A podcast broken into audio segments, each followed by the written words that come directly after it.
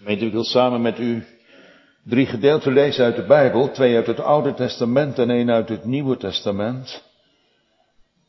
De eerste schriftlezing vindt u in het eerste Bijbelboek Genesis, 35ste hoofdstuk. De versen 16 tot en met 20.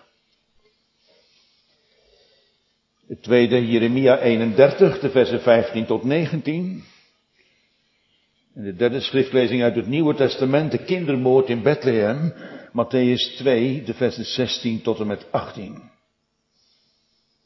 Genesis 35. Dan wil ik samen met u beginnen te lezen bij het 16e vers. Het gaat over Jacob, dat hij op weg is naar huis. in Genesis 35, vers 16 staat, en zij reisden van Bethel en er was nog een kleine streeks land om tot Efra te komen. En Rachel, die baarde, en ze had het hart in haar baren. En het geschiedde als zij het hart had in haar baren, zo zeide de vroedvrouw tot haar, vrees niet, want deze zoon zult gij ook hebben. En het geschiedde als haar ziel uitging, want zij stierf, dat ze zijn naam noemde Ben-Oni. Maar zijn vader noemde hem Benjamin. Alzo stierf Rachel en ze werd begraven aan de weg van Efrat en dat is Bethlehem. En Jacob, die richtte een gedenkteken op boven haar graf. En dat is het gedenkteken van Rachels graf tot op deze dag. We gaan naar de profeet Jeremia.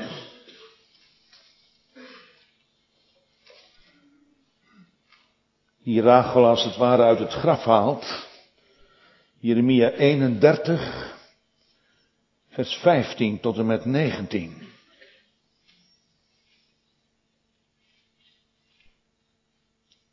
Jeremia 31, vers 15. En zo zegt de Heer, er is een stem gehoord in Rama. Een geklag en een zeer bitter gebeen. Rachel die weent over haar kinderen en ze weigert zich te laten troosten over haar kinderen, omdat ze niet meer zijn. Zo zegt de Heer, bedwing uw stem van geween en uw ogen van tranen, want er is loon voor uw arbeid, spreekt de Heer, want ze zullen uit het vijandsland wederkomen. En er is verwachting voor uw nakomelingen, spreekt de Heer, want uw kinderen zullen wederkomen tot hun landpalen. Ik heb wel gehoord dat zich Ephraim beklaagt, zeggende, gij hebt mij getuchtigd en ik ben getuchtigd geworden.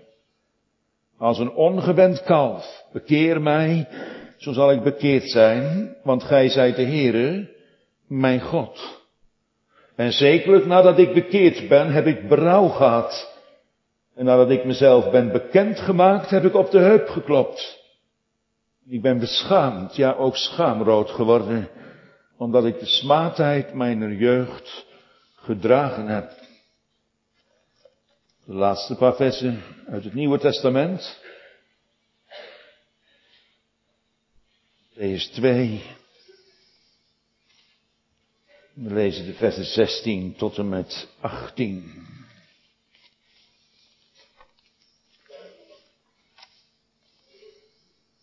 Als Herodes zag dat hij van de wijze bedrogen was, toen werd hij zeer toornig en enige afgezonderd hebbende heeft omgebracht alle kinderen die binnen Bethlehem en in al zelfs landpalen waren, van twee jaren oud en daaronder, naar de tijd die hij van de wijze naastiglijk onderzocht had. En toen is vervuld geworden hetgeen gesproken is door de profeet Jeremia, zeggende een stem is in Rama gehoord. Geklag, geween en veel gekerm. En Rachel beweende haar kinderen en wilde niet getroost worden omdat ze niet meer zijn.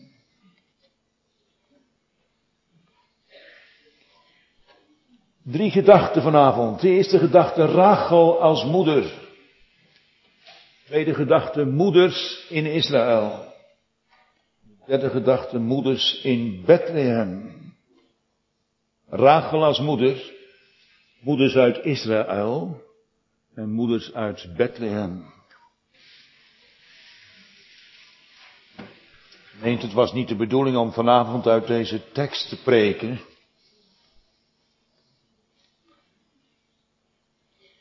Maar ik las gisteren een interview in de krant van Dirk de Wachter, een psycholoog, psychiater in België. Een hele bekende psychiater. Ik denk dat hij atheïst is. Al haalt hij wel heel vaak het geloof erbij. Maar boven dat stuk stond geschreven, we leven in een ziekmakende maatschappij.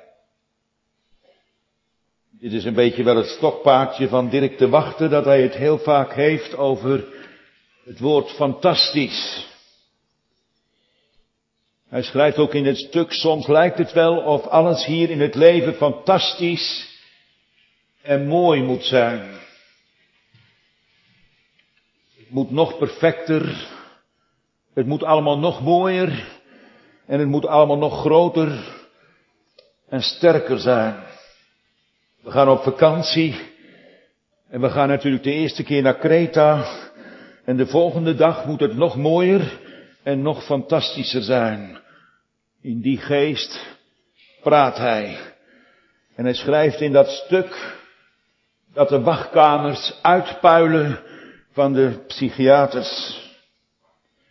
En hij schrijft in dat stuk dat 46% van de jongeren ten diepste niet gelukkig zijn. En we proberen allemaal te streven naar het geluk, want hij schrijft ook in dat stuk, we hebben de hemel in de uitverkoop gezet. Met andere woorden, wij moeten het hier maken in deze wereld. En er zijn heel veel jongeren en ouderen die dat niet bij kunnen benen. En vandaar een burn-out krijgen. Of over de kop slaan en teleurgesteld raken in het leven. En dat er heel veel jongeren zijn in België. Die lopen met gedachten om de hand aan hun leven te slaan. Zo beschrijft hij in de krant hoe hij tegen het leven aankijkt. En toen ik dit las, toen dacht ik, misschien gaat het zo in de kerk ook wel. In de kerk lijkt het ook wel allemaal dat het nog mooier en fantastischer moet. En nog blijer en nog vrolijker. En dat je dan mensen tegenkomt onderweg, die zitten soms diep in de put. En zijn teleurgesteld, teleurgesteld Vooral in zichzelf. Zijn teleurgesteld in de kerk, teleurgesteld in de dominee en in de kerkenraad. Maar misschien ook wel teleurgesteld in God. Waarom dan vanavond deze preek? Nou, ik wil boven de prediking schrijven door het geloof leven. En vandaar heb ik die drie gedeelten laten lezen uit de Heilige Schrift. En ik ga u proberen met Gods hulp het uit te leggen hoe het werkt in het koninkrijk van God. Want het is allemaal niet zo fantastisch. En het is niet allemaal zo mooi. En het is niet allemaal zo simpel en zo eenvoudig in het koninkrijk van God. Het blijkt een gevecht te zijn. We hoeven maar te gaan naar Matthäus 2. En we hoeven maar te kijken hoe het gaat in het leven van Maria. Zij heeft het kind Jezus in haar armen. En u had er natuurlijk ook niet op gerekend en Maria waarschijnlijk ook niet, maar Simeon zegt een zwaard zal door je ziel gaan. Zo gaat dat gemeente. En als je daar geen rekening mee houdt, dan denk je het gaat misschien wel helemaal fout en verkeerd in mijn leven. Ik wil u laten zien vanavond dat het misschien juist goed gaat.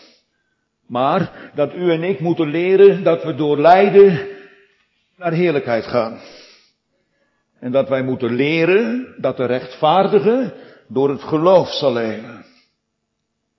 Of misschien wel zoals Jesaja het ook al geprofeteerd heeft en gezegd heeft. Een volk wat in duisternis wandelt en wat geen licht heeft.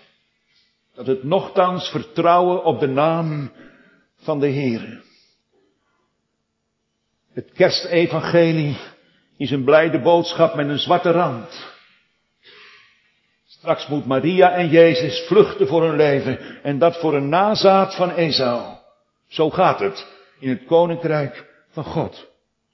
Als je daar geen rekening mee houdt, en als je denkt dat het allemaal over rozen gaat, misschien raken we dan wel in een burn-out, of raken we helemaal over onze toeren, en komen we helemaal aan de grond te zitten en dat je denkt, jongens en meisjes, is dat nou de weg die God gaat, ook vandaag?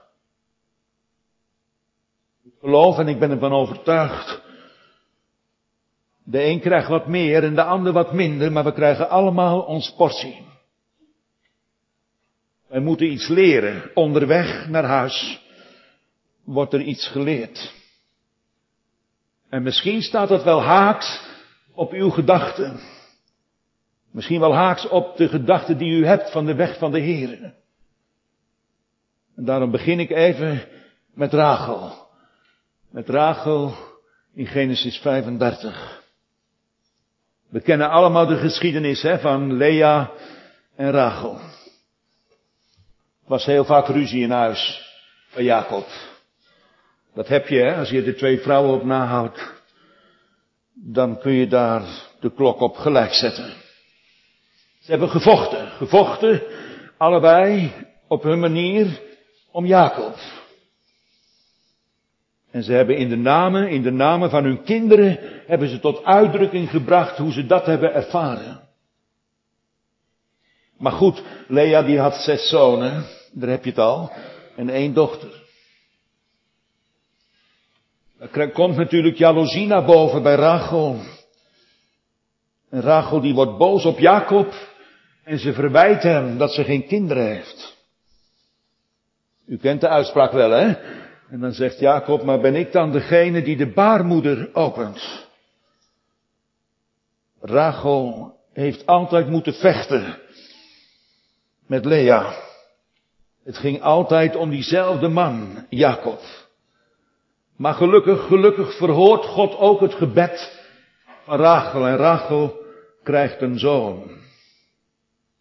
Jozef. Gelukkig, hè, dan heb je zo lang op een kind moeten wachten. En onderschat dat niet gemeente, wat dat kan zijn in het huwelijk als er geen kinderen zijn. Maar dan heb je zo lang op een kind gewacht en dan denk je, nou, nou is Rachel gelukkig. Nou ja, verre van dat. Ze noemt haar zoon Jozef. Ze brengt daar tot uitdrukking en ze zegt, er zal er nog een op volgen. Ze had schijnbaar niet genoeg aan Jozef. En in de naam van Jozef brengt ze tot uitdrukking dat er nog meerdere zullen volgen. Zestien jaar lang heeft Rachel moeten wachten op haar tweede zoon. Onderweg naar huis komt de bevalling op gang. Jacob is daar bij Bethel, bij Bethlehem in, in Efrata's velden. En daar slaat Jacob zijn tent op en daar vindt de bevalling plaats. Er is een verloskundige bij. En Jacob is er ook bij. Maar dit wordt de dood van Rachel. Het kind, zegt de verloskundige, dat zal je hebben. Het kost wel een prijs. De prijs is het leven van Rachel. En Rachel beseft dat ook gemeente en het zijn haar laatste woorden. Laatste woorden die op haar lippen eruit komen. En ze zegt deze zoon die heet Benoni. Kind van mijn ondergang. Kind van mijn ongeluk kind van mijn dood. Rachel toch. Ben niet blij, Rachel. Dat God zijn belofte vervult. God heeft toch beloofd. Je hebt in de naam tot uitdrukking gebracht dat er nog een zoon zal komen. En je hebt hem gekregen. Maar Rachel, er is geen plaats in het hart van Rachel voor Gods belofte. Als het je leven gaat kosten, dan is het wel de vraag of dat er nog plaats is voor Gods belofte. Misschien is dat wel de gouden draad door de preek vanavond. Is er nog hoop op Gods belofte wanneer alles in de dood schijnt te eindigen? Misschien denkt u wel bij uzelf, moet het nou zo gaan? In het leven van deze vrouw, ze hebben het al zo moeilijk gehad. En moeten ze nou vlak bij huis, vlak bij huis, moeten ze dan ook nog haar leven, haar leven opofferen? Gaat het nou zo? Als God zijn belofte vervult, dat het soms een hele dure prijs kan kosten. En Rachel, Rachel wenst niet vertroost te worden. Niet vertroost. Nee, Rachel wil maar één ding. Leven. Ze wil graag blijven leven. Ja, maar Rachel, Gods belofte, dat is toch het belangrijkste? En of het jouw leven nou kost, ja of nee, dat is op tweede plaats. Maar Rachel, die wenst niet vertroost te worden. En Jacob, die houdt de zoon van zijn belofte in zijn armen. En Jacob neemt de, de woorden van de lippen van Rachel. Heb je dat ook wel eens meegemaakt?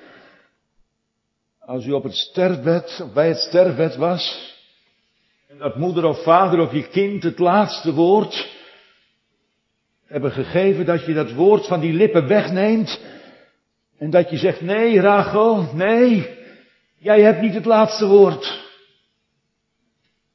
Want dit is niet het kind van mijn ondergang, maar dit is het kind van mijn behoud. Dit is het kind van mijn rechterhand. Hij zal niet Benoni heten, maar Benjamin. Mogen we het zo zeggen vanavond dat Jacob, die zoveel hield van Rachel, als de dood om de hoek komt kijken en als het gaat om Gods belofte, dan kiest Rachel voor het leven en Jacob kiest voor God, voor Gods belofte. Deze Rachel wordt begraven. Een gedenksteen wordt opgericht. Jacob vergeet het nooit meer. En Benjamin is het kind, natuurlijk van zijn liefde. Het kind van Rachel, samen met Jozef. Maar het kostte wel een prijs. Het kostte het leven van Rachel. In Jeremia komen de woorden van Rachel terug. De profeet Jeremia is daar ook in Efrata's velden, bij Rama, een heuvel, een gebergte. Gemeente, en daar worden alle mannen en alle vaders, die worden daar verzameld. In Jeremia 31. En de moeders en de vrouwen, die staan langs de kant van de weg en zijn erg bedroefd. Hun mannen worden namelijk weggevoerd in ballingschap. En die moeders die huilen, en die moeders hebben vreselijk verdriet. En die jonge vrouwen die hun man, hun man zien gaan, en die moeders die hun zonen zien gaan, die zijn gewoon niet te troosten. Begrijpelijk toch? Het zou je zomaar wezen. Het zou je man maar zijn, die je weg ziet gaan. Maar wat gebeurt er eigenlijk? Nou, op dat punt waar ze allemaal verzameld worden om in ballingschap gevoerd te worden, daar is ineens een profeet. Een dienaar van God. Deze profeet die komt met een belofte. Een belofte? Deze moeders willen maar één ding, dat is hun man terug en hun zonen terug. Maar wat heeft die profeet eigenlijk te zeggen, gemeente? Hij zegt tegen die moeders, ophouden met huilen. Bedwing je stem van geween en je ogen van tranen. Nou, dat is ook niet bepaald pastoraal. Dat is toch ook niet liefdevol van de profeet? Of juist wel? Nou, want hij heeft namelijk een woord voor wie? Voor mensen die om eigen schuld moeten worden weggevoerd in ballingschap. Ze gaan de dood tegemoet. Tenminste, zo lijkt het. Zo lijkt het vaak in het leven, gemeente. dat je misschien wel de dood tegemoet gaat. Maar de profeet heeft een woord van troost. En heeft een woord van belofte. Voordat ze weggevoerd worden, krijgen ze de belofte dat ze terug zullen keren. Maar die moeders hebben helemaal geen oren daarna. Ze hebben geen oren om te horen naar de belofte van God. Waarom niet? Nou, ze willen niet vertroost worden. Ze willen maar één ding. Hun man terug. Hun zonen terug. En de woorden van de profeet, die gaan het ene oor in en het andere oor uit. Bedwing je stem van geween en je ogen van tranen. Want er is hoop. Hoop? Het is hopeloos. Tenminste, zo lijkt het. Maar Gods woord en Gods belofte geeft hoop voor de toekomst. Maar ja, ze willen het schijnbaar niet hebben. Nog een keer, ze willen maar één ding, hun zoon terug. En hun dochter terug. Ik zou het bijna niet durven preken als ik het zelf niet geweten heb wat dit betekent. Misschien wilt u ook uw man wel terug. Of uw kind terug, begrijpelijk. Als er iets diep insnijdt in het leven, dat is dat een geliefde van je losgescheurd wordt. Eenmaal, soms tweemaal. Dat je bij het graf moet staan van een kind, dat je af hebt moeten staan aan de dood. Misschien hebt u ook wel heel hard gehaald. Begrijpelijk. Misschien bent u van binnen wel stuk. Begrijpelijk. En bent u al heel lang bedroefd. En kan er geen glimlach meer af. Want uw kind ligt in het graf. Het is voorbij. En het komt nooit meer terug. Nee. En waarom? Waarom? Misschien denkt u ook wel zo. Waarom moest hij zo vroeg sterven? Of waarom? Maar dat mocht ik vroeger nooit vragen van mijn moeder. Ik mocht nooit vragen waarom iets gebeurde. Want als God spreekt, dan moet je zwijgen. Nou ja, je moet er maar eens last van hebben, dat het verdriet je naar je stot gaat. En dat je God niet meer begrijpt. En dat het allemaal zo anders gaat als dat je hoopte en dat je dacht. Dat je misschien vanavond in de kerk zit en dat je denkt, waarom? Had het nou niet anders gekund? Het is allemaal zo menselijk, zo begrijpelijk.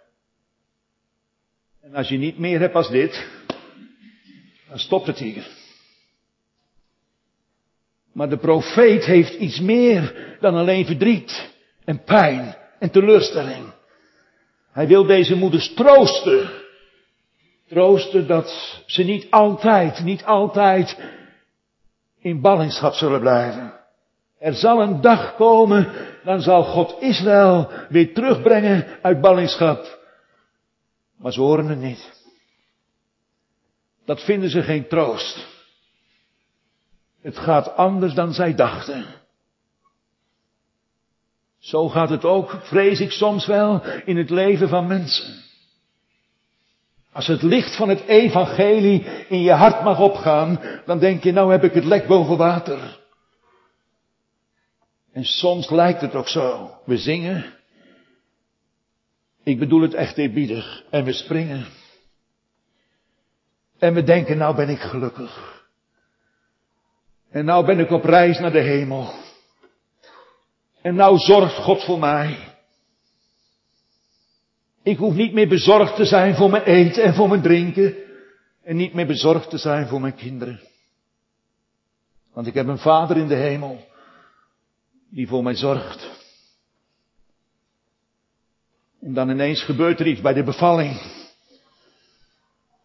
Iets aangrijpend, dat de verloskundige zegt, dat kind zul je wel hebben, maar dit wordt je dood. En waar blijft dan mijn geloof? Wordt het dan op de proef gesteld? Doet God dat dan? Het op de proef stellen? Wat dacht u? Geef God soms tegenspoed? Wat dacht u? door alles heen om je te oefenen. Jazeker. Omdat je moet leren, wat moet je leren dan? Wanneer al het zichtbare tegen je is, en dat het de schijn heeft van de dood wat je voor ogen hebt, dat God je wil troosten. Natuurlijk, met Christus. Dan wordt het echt waar. Waar alle hoop mij gans ontviel, toch? En niemand zorgde voor mijn ziel, zo leek het. En dat er een trooster is. Die zelfs in zulke onmogelijke en diepe wegen en zoveel pijn en verdriet je wil troosten. Nee, daar heb je je kind niet mee terug. Dan word je ook niet altijd genezen. Als de dokter zegt dat je kanker hebt. Dan denken sommige mensen, als je nou maar genade hebt, en dan bid je of dat God je beter wil maken. Ja, maar als hij je nou eens niet beter maakt, wat heb ik dan nog over? Geliefde gemeente, als het allemaal niet zo fantastisch is, en zo prettig is, en niet zo aangenaam is om de weg van God te gaan, wat hou ik dan nog over? Dat heb ik even op mijn hart, weet u wel. Ik ken u toch niet. Maar God heeft dat op mijn hart gelegd, omdat er misschien wel vanavond mensen zijn die lopen helemaal vast. Want het moet fantastisch zijn. Het moet perfect wezen. We moeten vrolijk zijn. En we moeten blij zijn. Ja, dat is een bijbels gegeven. Maar als je nou in duisternis wandelt en je hebt geen licht. Wanneer alle lichtjes, alle lichtjes uitgaan om je heen. Al die kunstlichtjes, wat hou ik dan over? Wat houdt u over, gemeente? Een treurig gewaad en een moedeloos en een moedeloos leven. En u hijgt eigenlijk naar de dood. Want iemand van de week zei, ik wou dat ik maar dood was. Ik zei, nou, God heeft iets anders voor je klaar liggen. God wil jou ook leren in alle tegenspoed en alle moeite en alle verdriet. Dat er een troost is die groter is dan je eigen leven. Moeders, moeders vanavond in de kerk, hebt u troost. Dat kan er alleen zijn als er beloften zijn, beloften van God. En als het geloof zich mag toevertrouwen aan Gods belofte, al zie je, al zie je er niks van. Dat is misschien wel het grote geheim in het koninkrijk van God, dat je er niks meer van ziet. U denkt misschien een moedeloze preek, even wachten hoor, even wachten. Niet te gauw een conclusie trek.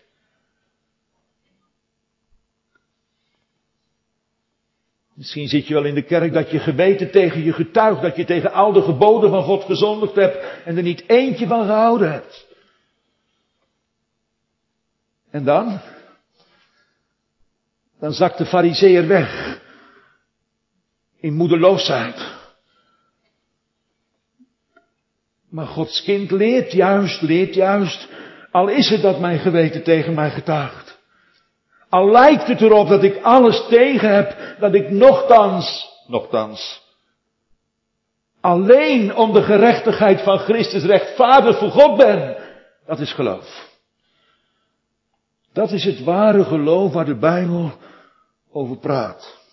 Weet je wel, geen rund in de stalling, geen vrucht aan de vijgenboom. En nochtans zal ik van vreugde, hoe kan dat nou? Hoe kan dat nou? Van vreugde opspringen in de Heer. Moeders, moeders in Israël. Jullie willen maar één ding. Jullie willen je zonen terug en je, doch, en je zonen en je mannen.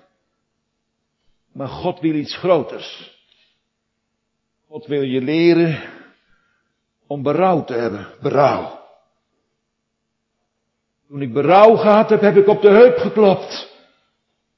Toen heb ik het ingezien, het is om eigen schuld dat ze weggevoerd worden naar ballingschap. Want we hebben gezondigd. Kind van de Heer, u hebt gezondigd. En te midden van die donkere nacht Je hebt gezondigd. Heb ik op de heup geklopt en heb ik het beleden. En heb ik berouw gehad.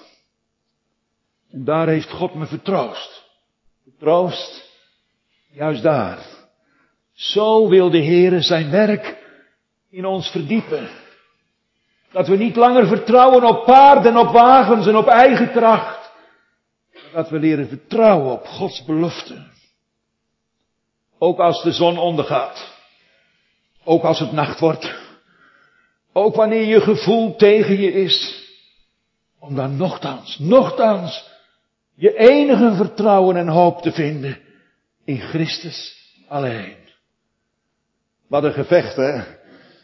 Want Gods kind hebt natuurlijk ook verdriet. Wat dacht u? En het gaat ook inderdaad voor je gevoel helemaal niet zo fijn. Wat is dat wonderlijk gemeente dat de Heilige Geest geloof in je hart werkt om op God te vertrouwen. Ook als je bij het graf staat. Ook als de dokter zegt het is uitzichtloos. Ook als je bedrijf failliet gaat. Als je kind iets overkomt. Wat hebben we eigenlijk meer dan de wereld? De wereld wil leven en wil genieten en wil dat het nog perfecter en fantastischer gaat. Deze maatschappij eist zoveel van ons en van onze kinderen. We moeten presteren. Maar soms is het in het leven van Gods kind, lijkt het ook wel, of dat hij moet presteren. Daarom laat God u dingen overkomen dat alles u bij de handen afbreekt. Dat u echt in de grootste smarten, dat onze harten in de Heere gerust blijven. Moeders in Israël. We hebben wel lang moeten wachten, hè, op de vervulling van Gods belofte. Het is waar, ze zijn teruggekomen voor een deel, een heel klein deel uit ballingschap. Maar het overgrote deel moet nog steeds terugkomen naar Israël. De belofte van God die de profeet toen al verkondigd heeft, die is nog niet eens ten volle vervuld. Zo lang, zo lang moet je soms leren wachten op Gods belofte. Het is niet zo dat je vandaag in de put zit en over een uurtje bij eruit. Troost u met deze woorden, dat Gods belofte vaak door de diepte en vaak door de afbraak, dat er plaats komt voor het wonder, het wonder van Gods genade. Efrata, wat een tranen liggen daar, hè? Weet u wat Efrata betekent? Ashoop. Ashoop, maar het betekent tegelijkertijd ook vruchtbaar land. Er zijn al wat mensen door Efrata's velden gelopen. Jacob met Rachel. U kent die vrouw nog wel toch, Naomi met Rut. Die liep daar ook door Efrata's velden en ging ook richting Bethlehem. En toen zei de oude buren, is dat Naomi? Is dat die vrouw die zoveel jaren geleden weggegaan is? En ze is teruggekomen. Maar het is een heel andere vrouw. Geknakt en gebroken. Is dat Gods weg? Ja, Naomi. Je bent toch de God van Israël niet uit het oog verloren. En je bent toch niet gevlucht naar Moab. En daar sta je dan bij het graf van twee van je zonen. En daar sta je dan bij het graf van je man. En dan kom je terug.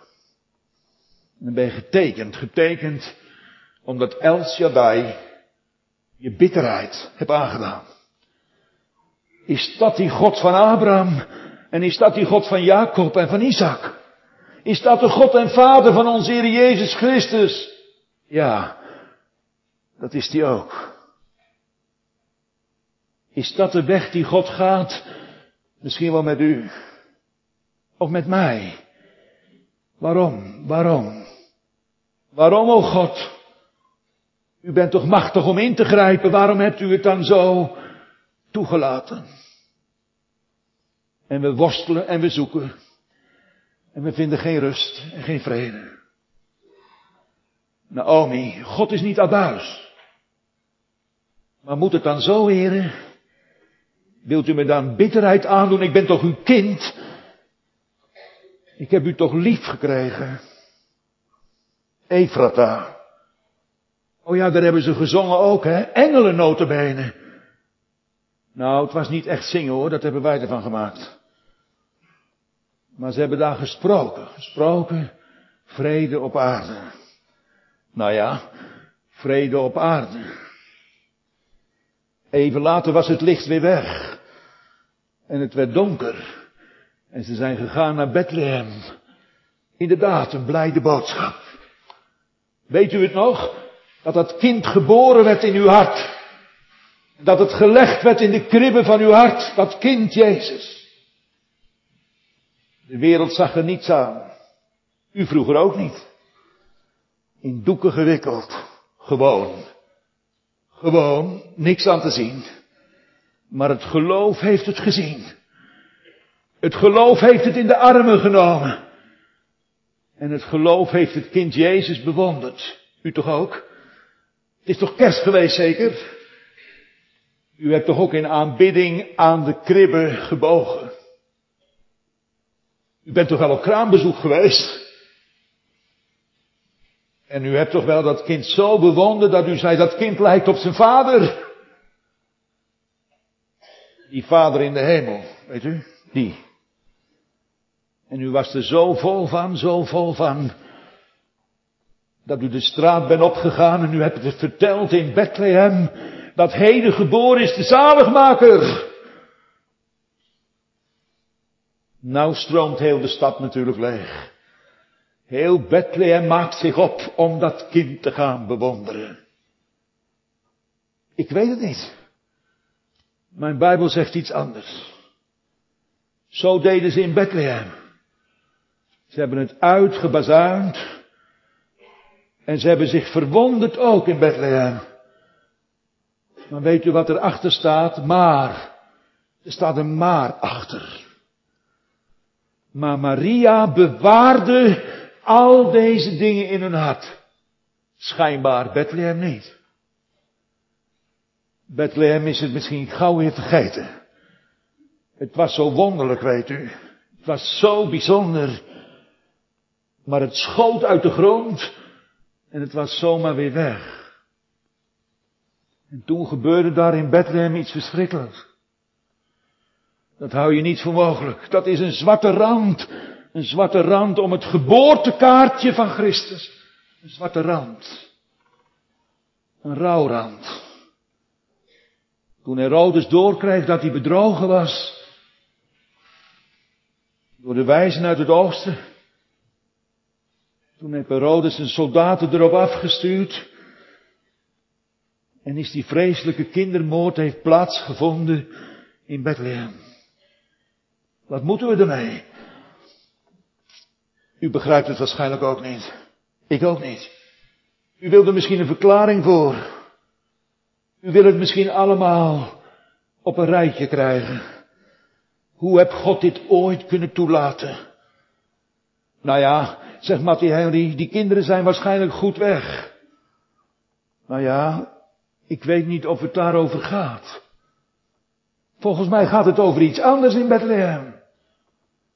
Er is namelijk een stem gehoord. En een bitter geween. Wie zijn dat? Moeders. Moeders die huilen. Bij het zien wat er met hun kind gebeurd is. Begrijpelijk toch? Het zou onmenselijk zijn als je niet huilt. Ja, dat is waar. Maar er staat nog iets bij. Ze wenste niet vertroost te worden. Het was een onpeilbaar verdriet. Het was iets uitzichtloos. Er stond schijnbaar niks tegenover. Ja, maar het is toch verteld dat het kind geboren is? De zaligmaker der wereld is toch geopenbaard aan Bethlehem? Ja, maar ze zijn hun kind kwijt. Ze hebben de grootste slag in hun leven gekregen die je ooit kan krijgen. En ze wilden niet vertroost worden. Ze wilden in het verdriet blijven hangen. Lastig is dat, hè, uit de mond van een dominee. Nog één keertje, ik heb het twee keer zelf meegemaakt. Ze wilden blijven hangen in het verlies van hun kind. En de troost, die was er. Was die er? Waarin dan? Had het maar niet gebeurd. Is dat troost? Of is de troost dat de zaligmaker gekomen is, de gezalfde, de redder der wereld, dat het aan hun bekend is gemaakt. Maar ja, het ene hoort erin en het andere draait. Dan hou je niet veel meer over. Dan krijg je een zwaar leven. Dan wordt het echt uitzichtloos. Dan kun je nooit meer lachen. En nooit meer blij zijn. Maar als je dat kind nou in je armen hebt gehouden. En je hebt je eigen leven leren verliezen. En je hebt je over leren leveren aan dit kind Jezus. In doeken gewonden. Het lijkt op zijn vader. En hij straft ons, echt waar. Is dat de God van het Nieuwe Testament? En hij straft ons, maar naar onze zonde niet. Daar kunt u het mee doen vanavond. Leg uw hart er eerlijk gewoon naast. Wat betekent het kind van Bethlehem voor u? Als ik vanavond in de huiskamer bij u binnenkomt en u hebt het over het verlies van iets dierbaars, iets kostbaars, staat er dan nog wat tegenover? Mag ik dan toch rust en vrede vinden dat God regeert? Al begrijp ik hem niet. Maar dat ik toch mag weten door de genade van God dat hij niet abuis is. En dan snap ik het doel dan niet direct in mijn leven, maar dat ik toch in dat vertrouwen mijn weg mag gaan. We gaan zo naar huis. Ik wens u geen verdriet toe. Echt niet. U vindt me misschien vanavond een moedeloze dominee. Dat ben ik helemaal niet. Ik ben wel aangevochten. Ik ben niet troosteloos. Ik geloof juist dat Gods genade schittert tegen de achtergrond van alle teleurstellingen. Waar alles je bij de handen afbreekt. Misschien zit er vanavond zo'n jongen of meisje in de kerk. Alles breekt je bij de handen af. Je had gehoopt. En je had gedacht. En je had ervan gedroomd. En het lijkt allemaal in de dood te eindigen. Je zou vanavond zomaar in de kerk zitten. Dan heb ik een woord voor u. Een woord van troost. Dat het bloed van Jezus Christus reinigt van alle zonden. Dan heb ik een woord van troost voor u. Dan moet u gaan door het water. Het zal u niet overstromen. En dan zult u moeten gaan door het vuur. U zal niet verbranden, want ik ben de Heere, uw God, die u uit Egypteland, uit het diensthuis uitgeleid hebt. En het schepsel, dat zucht, als in barensnood. En we zien uit naar de dag van de wederkomst. En we klampen ons vast aan de belofte van God. Ik schep een nieuwe hemel en een nieuwe aarde. Straks zullen mijn geliefden opstaan uit het graf. En zullen ze met ziel en lichaam eeuwig God groot maken. Dominee, dan heb je je kind niet mee terug. Dan zullen ze eeuwig God gaan groot maken. Ondanks alle verdriet. Ondanks dat het niet simpel en eenvoudig was. Maar hem zij de glorie en de heerlijkheid. En straks, kind van God, straks zullen we hem prijzen en loven zullen we eeuwig bij hem zijn. Zal die oude tranen van je ogen afwissen. En er geen één vergeten. En dan zal je verlost zijn van alle strijd en aanvechting. Van de littekens. van het gevecht wat plaatsgevonden heeft hier op aarde. Maar kind van de Heer, het is geen gevecht van leven op dood in de zin van hoe zal het vallen? Want die in Christus zijn, zijn meer dan overwinnaars. Door Hem die ons lief heeft gehad. Liefde. Liefde, maar ook met een zwart randje. Hier beneden is het niet. En we strekken ons uit als een vreemdeling hier door de woestijn van het leven naar zijn komst. Hebben u ook heimwee? Heimwee? Heimwee naar hem. Die ons lief heeft gehad. Die ons ondanks alles gedragen heeft op arendsvleugelen. Dat we hier nog mogen zitten vanavond is alleen maar een vrucht van zijn genade. We hadden omgekomen. Maar hij heeft door de woeste baren en door de brede stromen ons een pad gebaand. Arme moeders in Bethlehem. Jullie hebben het niet begrepen. Hebben u het begrepen? Gaat u straks huis. Omdat u Christus gevonden hebt, wiens eigen u bent. En dat Hij in uw leven het mag bepalen wat goed is voor u, goed of kwaad. Mag Hij door zijn liefdesarmen u leiden. Al gaat het soms door de zee. Houd moed, christenreizen. Ogenblik. En Jezus komt terug. En we zullen straks met een nieuw lichaam, hoort u het, kind van de Heer? Misschien worstelt u nu met ziekte, met, met, met ongemakken. Maar straks gaan we met ziel en lichaam hem groot maken. Niet alleen met je ziel, maar met ziel en lichaam, met handen, met voeten. Dan zullen we hem zien. Dan zullen we hem zien met onze letterlijke ogen. Jezus zien. En zullen we zeggen, ik heb u eerder ontmoet in de belofte van het woord. Daar heb ik u leren omhelzen. En heb ik leren beleiden. Genoeg aan Jezus. Weg wereld. Weg fantastisch. Weg perfect. Ik heb Jezus gevonden, wiens eigen ik ben. We leggen ons hoofd neer. En we leggen onze voeten bij elkaar. U bent levensmoed, dominee. Nee, op uw zaligheid wacht ik, o Heer. Amen.